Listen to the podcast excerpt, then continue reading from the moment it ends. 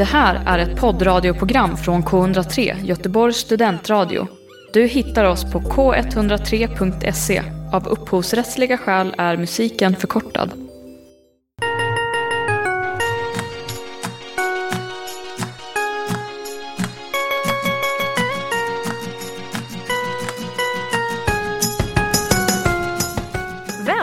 Tagning 103, filmprogrammet här på Göteborgs studentradio som guidar dig genom film och tv-serievärlden.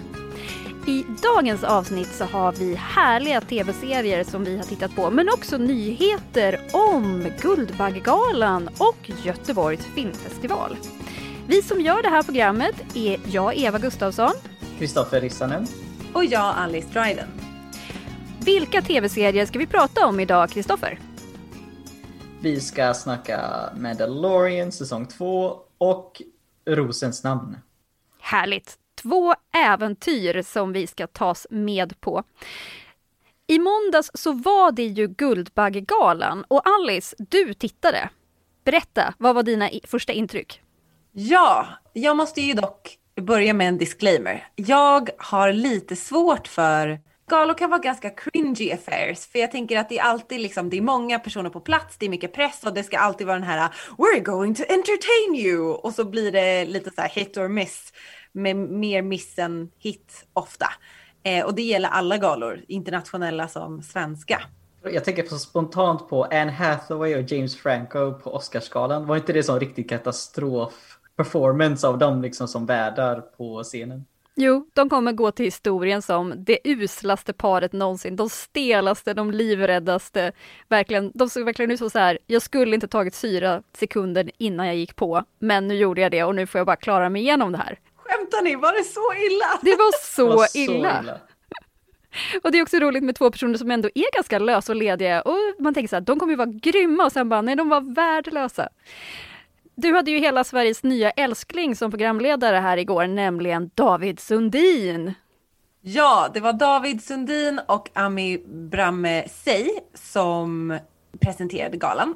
Eh, och de ledde galan och den var helt på distans i år och den var ifrån Cirkus i Stockholm om jag minns totalt rätt. Men det var liksom helt tomt och sen såg man the occasional prisutdelare antingen, eller prisutdelarna var liksom på plats men de som mottog priserna var antingen på Zoom eller så var det några som var liksom på plats och kom ut och såg lite så här, ah, hehe, alla såg väldigt stela ut när de kom ut. Även om de hade vunnit så var det som att de hade blivit tillsagda att så här, gå rakt, le inte, titta inte in i kameran, gå bara fram, ta baggen, säg din grej och gå.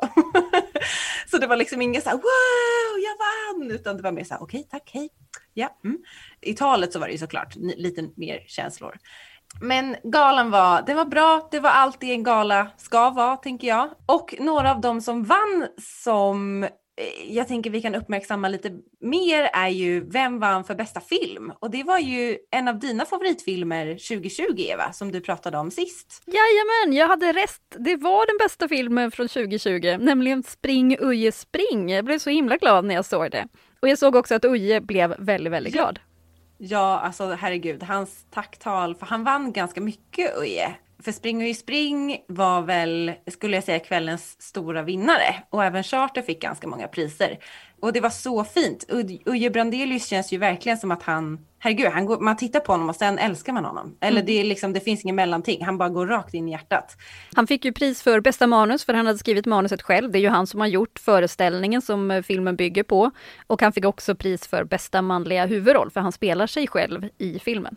Ja, och hans familj fick jag lära mig nu på galan då. Det är liksom hans actual fru och hans riktiga barn som spelar hans familj i filmen också. Vilket, ja jag vet inte, det bara känns som en otroligt hjärtvärmande affär. Så nu hoppas vi att den blir mycket mer tillgänglig för att se nu efter den har vunnit så mycket. Mm.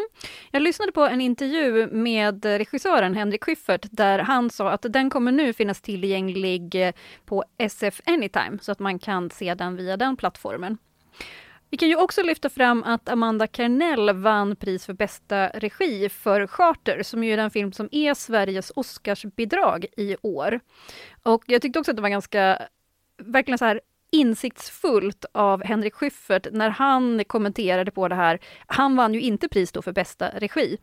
Och att han var så här, ja det känns ju helt rimligt. Jag kollade lite så här Youtube-klipp innan hur man regisserar. Så här, Amanda Klenell har gått åratal på liksom, filmskola. Det är, så här, det är helt, helt chill med mig. Charter, den ser ju otroligt snygg och väldigt välregisserad ut bara när man liksom ser trailern. Så den ser jag fram emot att se i år. Ja, där lämnar vi Guldbaggegalan för den här gången så får vi se vad de hittar på 2022.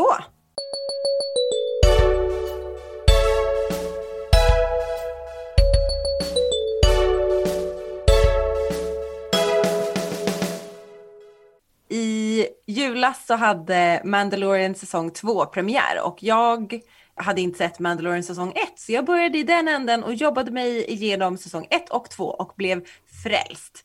Det var kanske det roligaste jag haft på 2020. Det var väldigt kul att se Mandalorian och få liksom immersa sig i den här Star Wars-världen som ändå är olik de andra Star Wars-filmerna just. För det är det jag har sett innan. Vad handlar då The Mandalorian om? Jo, vi hittar The Mandalorian, a Bounty Hunter. Tiden är ungefär efter The Empire har fallit, efter The Return of the Jedi. Och allt är så up in the air. Man vet inte riktigt. Man förstår att The Empire är borta. Men The Rebellion, it was successful. Men hur kommer galaxen att ledas nu? Hur kommer allt se ut? Och är The Empire verkligen borta? Det vet vi ju inte. The Mandalorian, eller Mando som han kallas, är då a Mandalorian som faktiskt är någon form av religion. Och han är då en a practitioner av the Mandalorian Code som de kallar det för. Han är Bounty Hunter och lever liksom på the fringe, alltså lite så här in the outskirts of the galaxy, tar lite shady deals och han blir anställd av exiler från the Empire, alltså de som inte riktigt har blivit så här bastade av Princess Leia quite yet. Och de ber honom att hämta en viss person till dem och det visar sig då vara the super famous Baby Yoda. I resten av säsongen så blir det verkligen ingenting som någon har tänkt sig ungefär och det är en ganska mellow eh, takt, det liksom lunkar på, det är både action men det är också ganska stilla. Så det påminner ganska mycket om cowboyfilmer. Eh, det är väldigt mycket cowboyreferenser i The Mandalorian och det funkar väldigt bra måste jag säga. Menar du westerns alltså? Exakt, westernfilmer. Mm. Förlåt, cowboyfilmer för mig som tänker att det är samma sak. Jag ber om ursäkt alla fans där ute. Vi, vi, kommer gå in på det sen också. Men, men det är ju också just att man märker hur det är så episodstyrt, att det är nya äventyr varje avsnitt där man får träffa nya karaktärer och ett, ettan, säsong ett är ju väldigt mycket en uppbyggnad av att lära känna världen, lära känna vem sjutton är egentligen Baby Yoda och vem är Mando? Och för dem också, så att de är så här, ja vi kan ju knappt prata med varandra, men att vi ändå ska börja skaffa en relation. Det har ju en, såg, när ni var små, kollade ni på de här matinéserierna som gick på typ lördagsmorgon på tv? Så att det påminner ju väldigt mycket om uh, sina krigarprinsessan eller Hercules och liknande matinéserier helt enkelt, mm. äventyrsserier. Gud ja, uh, Young Hercules med ja, Ryan exakt. Gosling. Ja, ja, exakt och det bidrar ju till hela den här stämningen som man verkligen sjunker in i. Och den är ganska annorlunda från, till exempel min erfarenhet av Star Wars är ju de här äh, nio kända filmerna. Och den är ju, det är ju väldigt pampigt och det är så här, ja, ni vet John Williams musik och liksom allt det där. Men här är det faktiskt Ludvig Göransson som gör musiken. Eh, och han har gjort det så otroligt bra. Vill bara säga att det passar in så himla fint i tempot och de bygger världen både genom den här sakta western-referenserna men också med hjälp av den här musiken. Och Ludvig Göransson har ju även gjort musiken till Black Panther-filmen. Mm. Och även till filmen Tenet. Fantastiskt bra musik. Nej, vad kul! Det visste jag inte. Men vad händer då lite mer i säsong två då som vi precis sett? Vi får ju dels reda på vad Baby Yoda heter det här är ju en liten spoiler, men det är ett namn. Det är inte en jättespoiler. Så han heter alltså Grogu. Säsong två handlar lite om så här, vad ska Grogu göra? Eller vad ska Mando göra med Grogu? Vad är liksom the path? Det handlar inte bara om så här, what do I do with you? Utan det är så här, okej, okay, men det är ju forces at work here. Vart kan du bäst göra din grej utan att liksom spoila för mycket. Men där, så där har vi dem. Och vad skulle du säga Eva är skillnaderna mellan säsong 1 och 2? Jag tycker inte skillnaderna är så stora. För att vi fortsätter ändå på den här upptäcktsresan. Vi träffar nya världar. Avsnitten kan se ganska olika ut. Man kommer så här, åh, det är lite som ett äventyrs-tv-spel där man gärna kommer till, åh, nu är vi i isvärlden, nu är vi i ökenvärlden, åh, nu blev det djungel att man hela tiden träffar nya karaktärer som uh, antingen är nya och är med en stund bara, eller att de, man förstår att de här kommer hänga med oss längs med resan under lång period. Och vi får också återse en del karaktärer som vi har träffat i säsong 1 och se lite, jaha, vad har de gjort sen sist? Så, så jag upplever inte det som att säsong 2 är speciellt annorlunda, utan den mer bara fortsätter och växer i min värld. Vad tycker ni? Jag tänker väl att en av de grejerna som är det störst skillnad är Mando och Grogus relation. Att de är mycket närmre och de har mycket liksom men lite mer lekfull och lite mer öm relation i säsong två. Och det är ju inte så konstigt. De kände inte varandra så himla bra i säsong ett. Men man får verkligen, ja men Mando flera gånger säger liksom så här att Grogu betyder väldigt mycket för honom. Och det hör vi ju inte direkt i säsong ett. Så det tänker jag är en av de grejerna. Att den relationen verkligen har så här vårdats och det har varit lite så här, den har vuxit fram ganska organiskt och nu we reap the benefits in season two med väldigt många gulliga interaktioner. Mando har ju blivit som en slags fadersfigur för eh, Grogu och det, de kommenterar ju på det ganska implicit tror jag i säsong två, for sure. Jag gillar också att man i säsong två får träffa fler Mandalorians och börjar förstå lite mer vad det innebär som begrepp. Och att även för honom själv, för Mando, att han börjar för, liksom, tänka på vad hans eh, liksom, ämbete är och vad det innebär och kanske också lite ifrågasätta alla de saker han själv har fått lära sig en gång som barn eftersom han har liksom blivit lite inplockad i det här att han är ett hittebarn som har blivit fostrad i den här läran. Men Kristoffer, kan inte du berätta lite om, för du är ju verkligen en Star Wars-nörd. Du är ja. insatt och you know your shit. Please tell us more about vilka, vem är det som ligger bakom den här serien till exempel? Jo, alltså när det gäller just vilka som har skapat serien så är det ju först och främst uh, John Favreau uh, som är skådespelare, regissör, producent, allround showbusiness person som har varit med i allt möjligt. He's the mastermind. Han är ju regissör, ja exakt, han har ju regisserat eh, något avsnitt i Mandalorian men han har ju också regisserat i Iron Man. Han spelar ju, heter han Happy i eh, Avengers-filmerna. Han är ju med väldigt mycket i dem. Eh, sen har vi ju Dave Filoni som är producent och regissör och författare för eh, Mandalorian och han har ju jobbat på till exempel Star Wars The Clone Wars och massa andra Star Wars-relaterade anime, animationer. Och det här är hans första liksom, live action-grej eh, då när det gäller just Star Wars. Och han är ju en, en encyklopedia av Star Wars-kunskap som han kan väldigt mycket och kan använda det när de skapar serien. Liksom.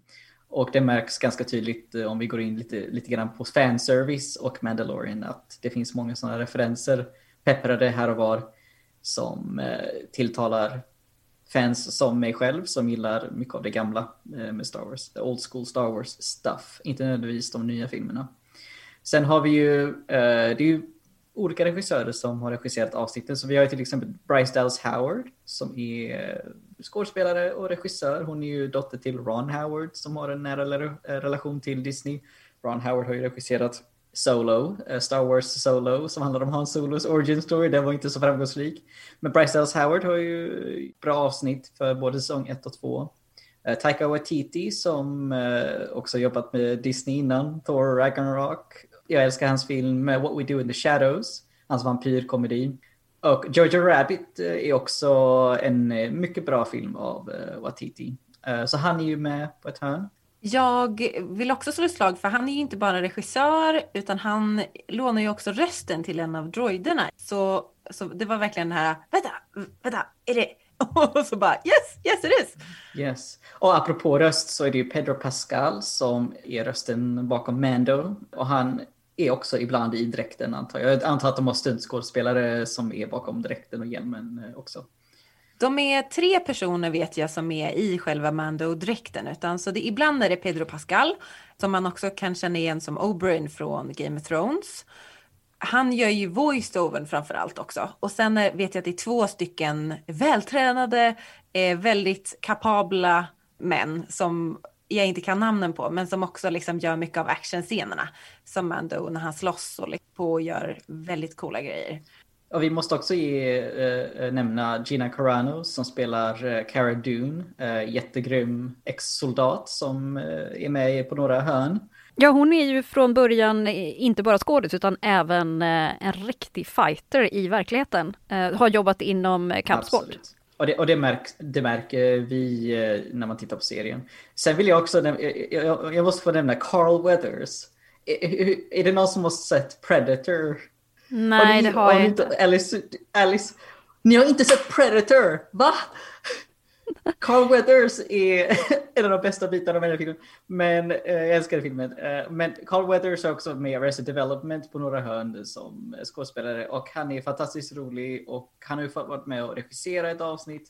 Och han spelar ju en, en lite shady guy som ändå verkar vara ganska god. Och det är bara kul att se en 80-talsstjärna som är med här liksom på ett hörn. Och då, det, jag tycker det är bara fint att de har med Carl Weathers av alla människor.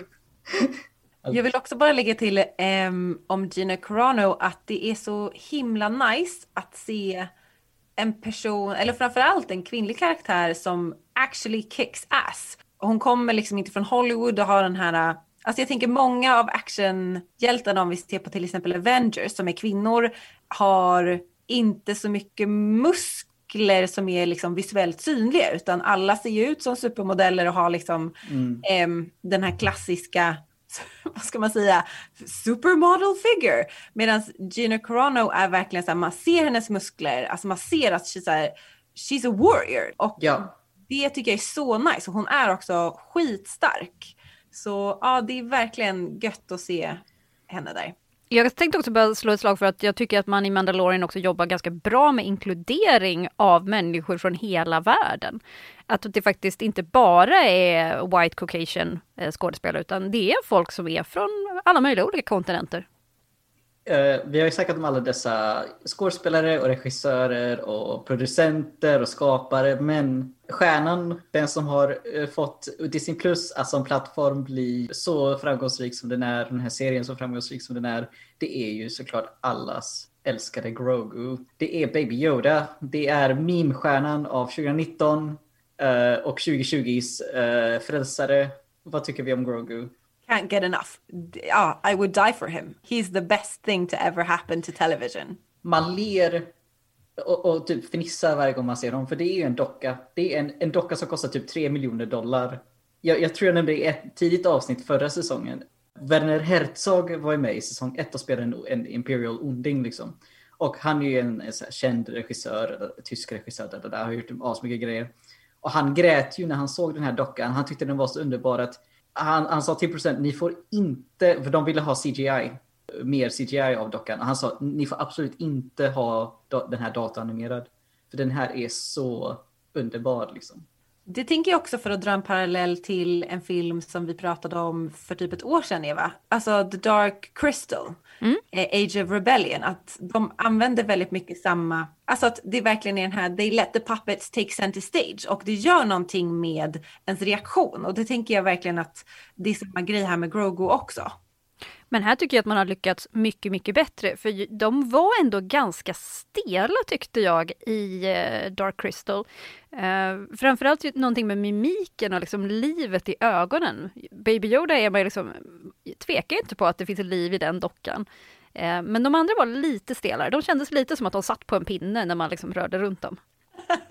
det är sant i och för sig. Men sen in their defense, de lever ju också ut hela actionsekvenserna. Eh, Baby Yoda, han är ju väldigt som han är. Eller han är ju alltså a package. And ja. then he moves his arms and ears. Så han behöver inte slåss så mycket som kanske Rian behövde göra. Men jag håller helt med ögonen. Alltså det är någonting i Baby Yoda. Det är också så jäkla mischiver Baby Yoda. Han ska hela tiden äta massa saker. Det är så här, det är, man, så här bara, man bara nej, sluta, släpp den där saken. Och så här bara, nej, nu har du den i munnen. Alltså, Relatable. Så, ja. vi kan alla i alla fall hålla med om att vi älskar Grogu och vi vill se mer Grogu och vi hoppas att vi får se mer Grogu. Uh, jag nämnde ju förut att den här serien innehåller ju ganska mycket fanservice och det har ju mycket med att göra med Dave Filoni tror jag som har jobbat med mycket eh, äldre Star Wars-grejer. Eh, och, och, att han kan mycket om världen. Men det, det blir extra tydligt när de bokstavligt talat har med karaktärer som Bo-Katan som är en av de här mandalorierna som Mando får träffa. Hon är, spelas av Katie Sackhoff som är känd från Battlestar Galactica bland annat. Och, och hon har ju varit röstskådespelare för Bo-Katan i animerade verk. Och här får hon faktiskt spela karaktären in real life, vilket är ganska ovanligt. Sen har vi ju Asoka Tano är ju med. Och hon är en känd eh, karaktär från eh, såväl animerade serier men också spel och, och serietidningar, böcker. Så hon har varit med jättelänge. Och sen så namedroppar ju de också Admiral Thrawn som är en av de mest populära karaktärerna från The Expanded Universe. Det som fanns innan Disney tog över allting.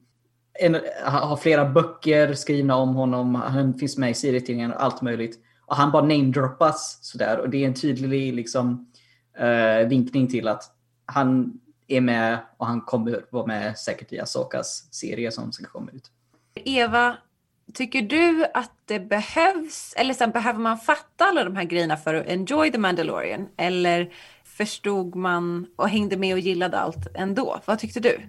Jag tycker absolut att man hänger med ändå. Jag har ju sett alla Star Wars-filmer och även de här sido-Star Wars-filmerna som till exempel eh, Solo.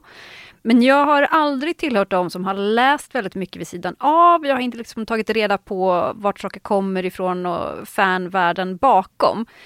Och jag känner att jag förstår allt as far as I know. Eh, så att jag saknar ingenting. Det är ingenting som känns oklart. Jag tycker att den är gjord väldigt skickligt på ett sätt att du kan börja titta på det här och du behöver inte ha sett en enda film egentligen. Det, det är ändå en, en hel komplett historia och du uppskattar den. Sen får man ju alltid mer och mer och mer om man kan liksom bakom sak. Men det gäller egentligen väldigt mycket film och tv-serier egentligen. Håller med. Men vad händer nu då? Du tog upp mycket av fanservicen Kristoffer, men det kommer ju bli ännu mer fanservice kan man säga, för det kommer också bli ganska många spin-offs på Mandalorian. Oh yes. Uh, utan att spoila för, uh, för mycket rent handlingsmässigt, men det kommer att komma en serie som handlar om Boba Fett som var en Mandalorian-figur från de gamla filmerna. Uh, det kommer komma en Asoka Tano-serie som jag nämnde förut. Och det kommer komma en serie som man inte vet så mycket om, men den heter eh, Rangers of the New Republic. Vilket kan handla om lag och ordning i Star Wars-galaxen. Och så kommer det såklart en säsong tre på Mandalorian näst, ja, i, i år, i jul. Ja, vi är så taggade. Jag trodde det skulle dröja mycket längre, men alltså nästa säsong av Mandalorian droppar julen 2021 på Disney+. Vi är så taggade och jag tror att vi alla har verkligen gillat Mandalorian, både säsong 1 och 2. Därför ger jag den fyra starka klappor.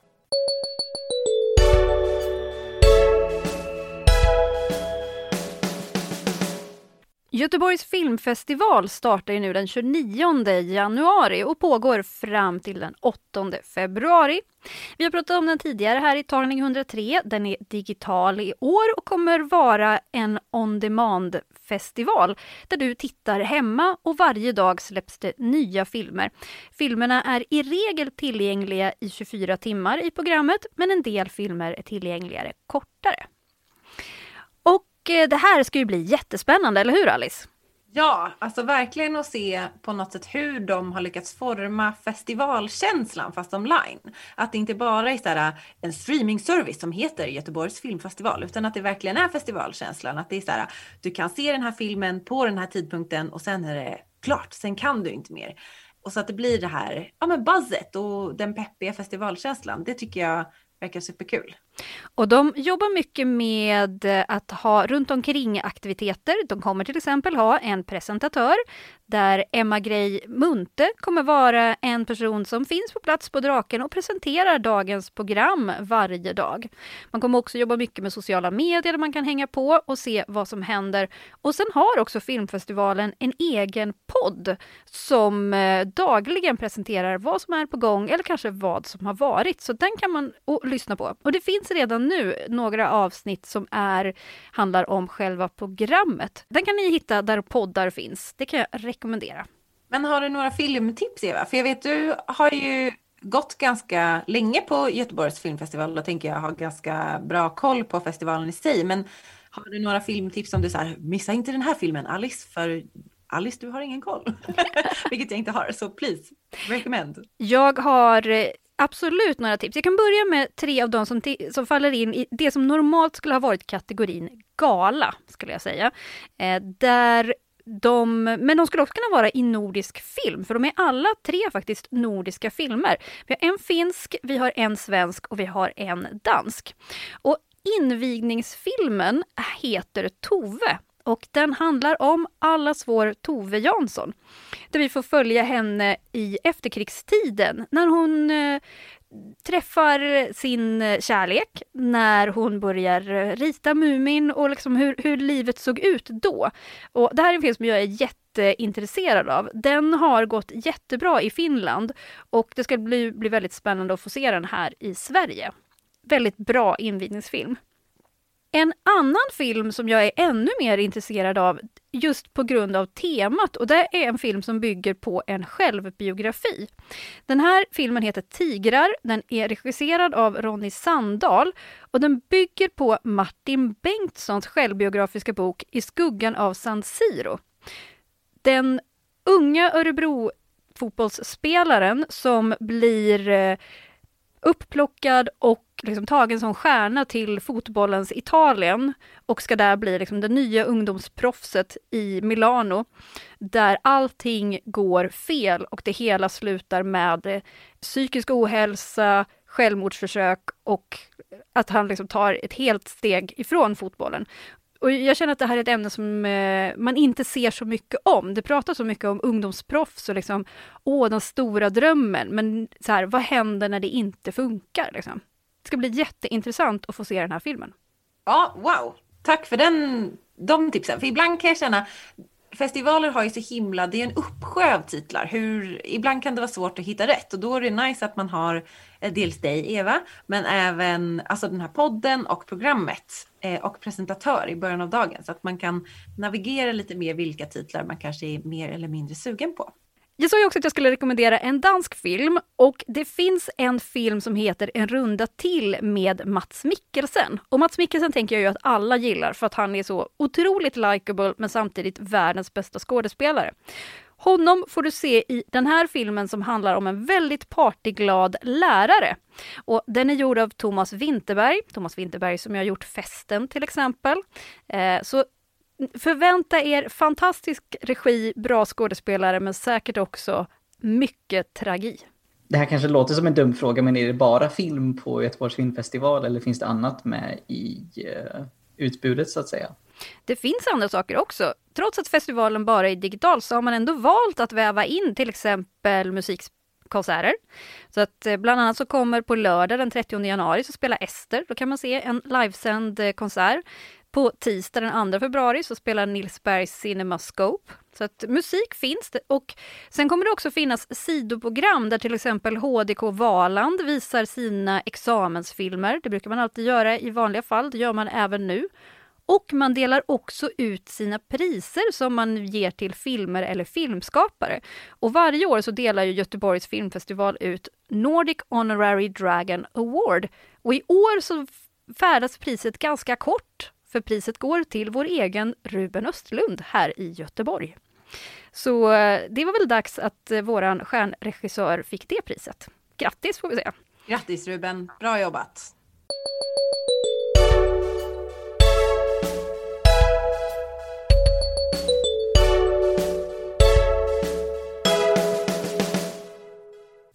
Så nästa serie som vi ska snacka om i eh, det här avsnittet är ju Rosens namn. Och om det låter bekant så har du kanske sett filmen med Sean Connery och uh, Christian Slater, uh, filmen från 86. Den kan ha visats någon gång på tv och du kan ha råkat se den någon gång sådär vid 9-10 tiden på typ TV3. Någon gång. Och det är baserat på en Umberto Eco-bok uh, i samma namn, i Rosens namn.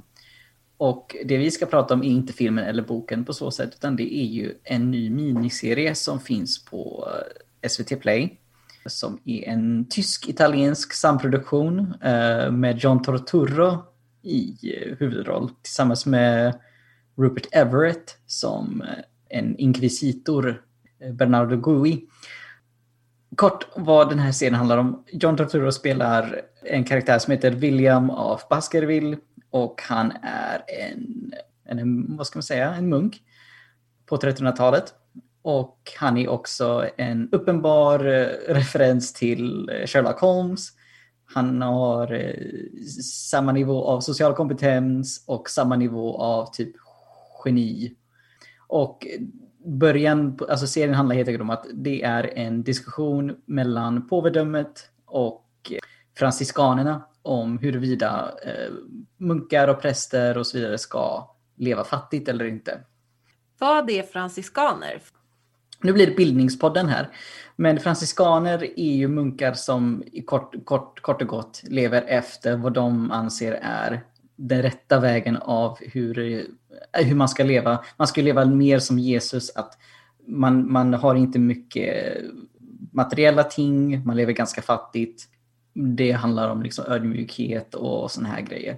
Så, och det är någonting som eh, diskuteras då i den här serien. Och det, de är ju på ett, på ett kloster och de ska snacka om det här då. Jag säger snacka om det, men det är en debatt som ska typ förändra riktningen på kyrkan. Så det är ganska big deal för de här prästerna som gärna klär sig i siden och har massa smycken och juveler och äger mark. Liksom. De tycker inte om idén av att leva fattigt. Men vad som händer då är ju att de hamnar mitt i ett mordmysterium på det här klostret och eh, i sann eh, Sherlock Holmes-anda så försöker William och hans novis Adso av Melk, a.k.a. Watson, att lösa det här mordmysteriet. Vad har ni för koppling till Rosenstam? Jag har ju sett filmen. Eh, jag har nog dessutom sett filmen ett par gånger. Jag vet jag såg den när jag var ganska liten och sen har jag sett om den någon gång. Och jag tyckte nog att den var väldigt spännande framförallt när jag såg den var liten. Den var väldigt visuell och just att eh, för filmen har, känner jag, ett lite större fokus just på litteratur. Och litteraturens betydelse, just att, att munkarna skriver litteraturen, det är de som har tillgång till biblioteken, de kan läsa och att det är väldigt mycket människor runt omkring som inte kan det. Till exempel i filmen så kan ju Adso nästan inte läsa, vilket gör att eh, tillgängligheten av kunskap är ju utifrån vad munkarna tillhandahåller eller liksom släpper till.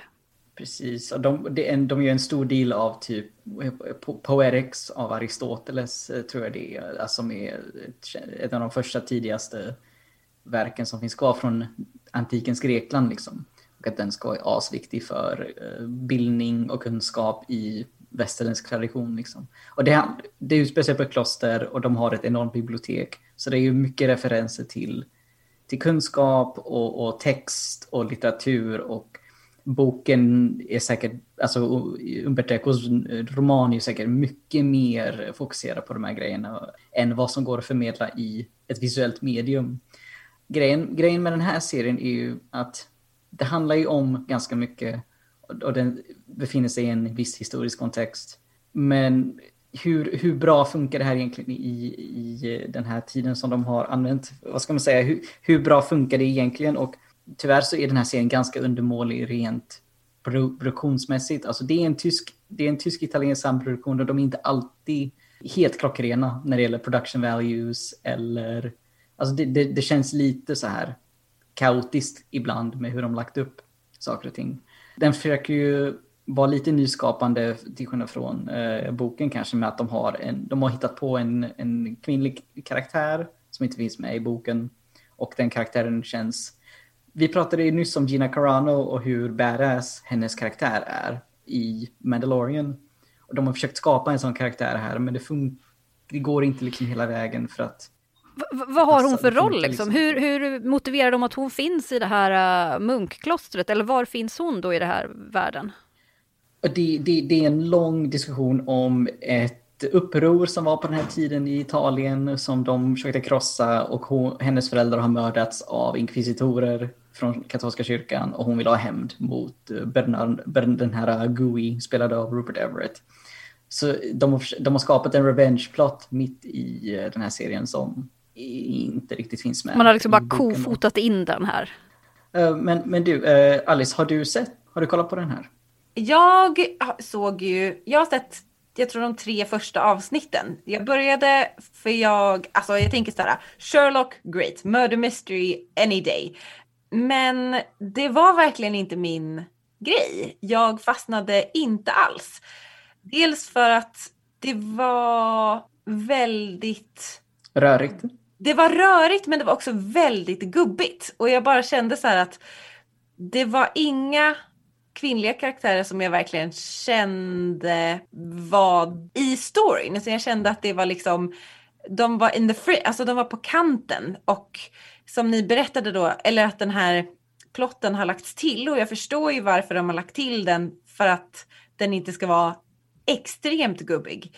Men det blir ändå inte att det vävs ihop på det sättet som jag tänker hade krävts för att det inte ska vara totalt gubbigt. Så nej, jag köpte, jag köpte faktiskt inte nej. den här på samma sätt. Och det enda jag liksom kände var så här, gud det är så ångest. Tänk att ha levt, eller alltså på den här tiden. Det bara kändes ångest. liksom. och, det, det, du säger mer, alltså okej. Okay vi snackar om att den har en viss kontext. Det är 1300-talet i Europa. Klostren är liksom kunskapscentren i, i den här tiden i, i väst i alla fall. Och det här är ju mer intressanta grejer. Och, och de här diskussionerna om religion och ska man vara fattig som präst och sådana här grejer. Allt det som är med, det är superintressant för mig som gillar älskar historia. Och den, den skildrar de här grejerna ganska bra och, det, och ibland så är författandet väldigt snyggt med de här filosofiska, teologiska diskussionerna. Det finns en intressant debattscen senare i, där de faktiskt har den här debatten som jag nämnde, liksom, som, som liksom handlar om de här ämnena.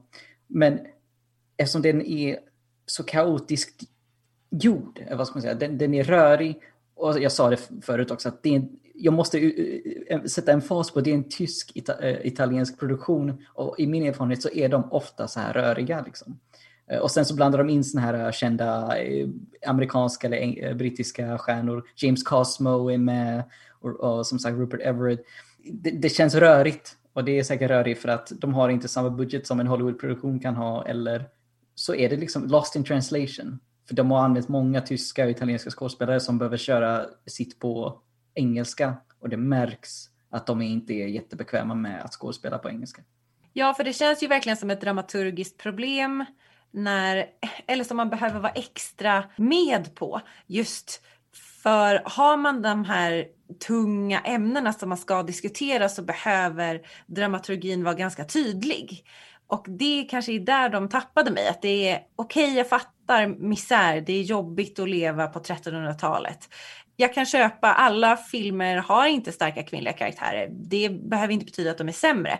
Men de tappade det. Och det var, det var kanske därför jag inte riktigt fastnade. Jag har inte läst boken, men den, det är en klassiker. Testa att läsa boken, testa att kolla på serien. Om du gillar den, fine. Den är, för, för mig är den ganska undermålig. Den har vissa intressanta grejer. Den får en svag tvåa utav mig om du som lyssnar gillar att titta på grejer som har med påvedömet att göra med katolska kyrkan, allt sånt här, kolla på The New Pope med Jude Law. Så det är ja, en svag tvåa från mig. Det var vårt program idag. Du har precis lyssnat på K103s filmprogram Tagning 103 med Alice Dryden, Kristoffer Rissanen och Eva Gustavsson. Och idag har vi pratat lite om Guldbaggegalan som hölls nu i veckan. Vi har även pratat Göteborgs filmfestival som är i full gång och vi har gett dig toppenbra tips på vad som finns att se där. Vi har pratat även om The Mandalorian där säsong två släpptes på Disney Plus i december. Så vi pratade lite om serien i allmänhet och säsong två och ett tror jag fick gemensamma fyra starka klappor. Kristoffer gav oss en analys på serien Rosens namn som går på SVT Play just nu. Eh, den fick två lite svagare klappor och kanske var mer ja, intressant ur ett historiskt perspektiv snarare än en bra serie. Tack för att du har lyssnat på vårt program. Du kan höra oss på fredagar klockan ett med repris på söndagar klockan ett på 103,1 på FM. Du hittar oss även på Mixcloud och där poddar finns. Följ oss gärna på Instagram under namnet tagning103. Vi vill tacka Någren för musiken som du hör just nu och önskar er alla en riktigt trevlig helg.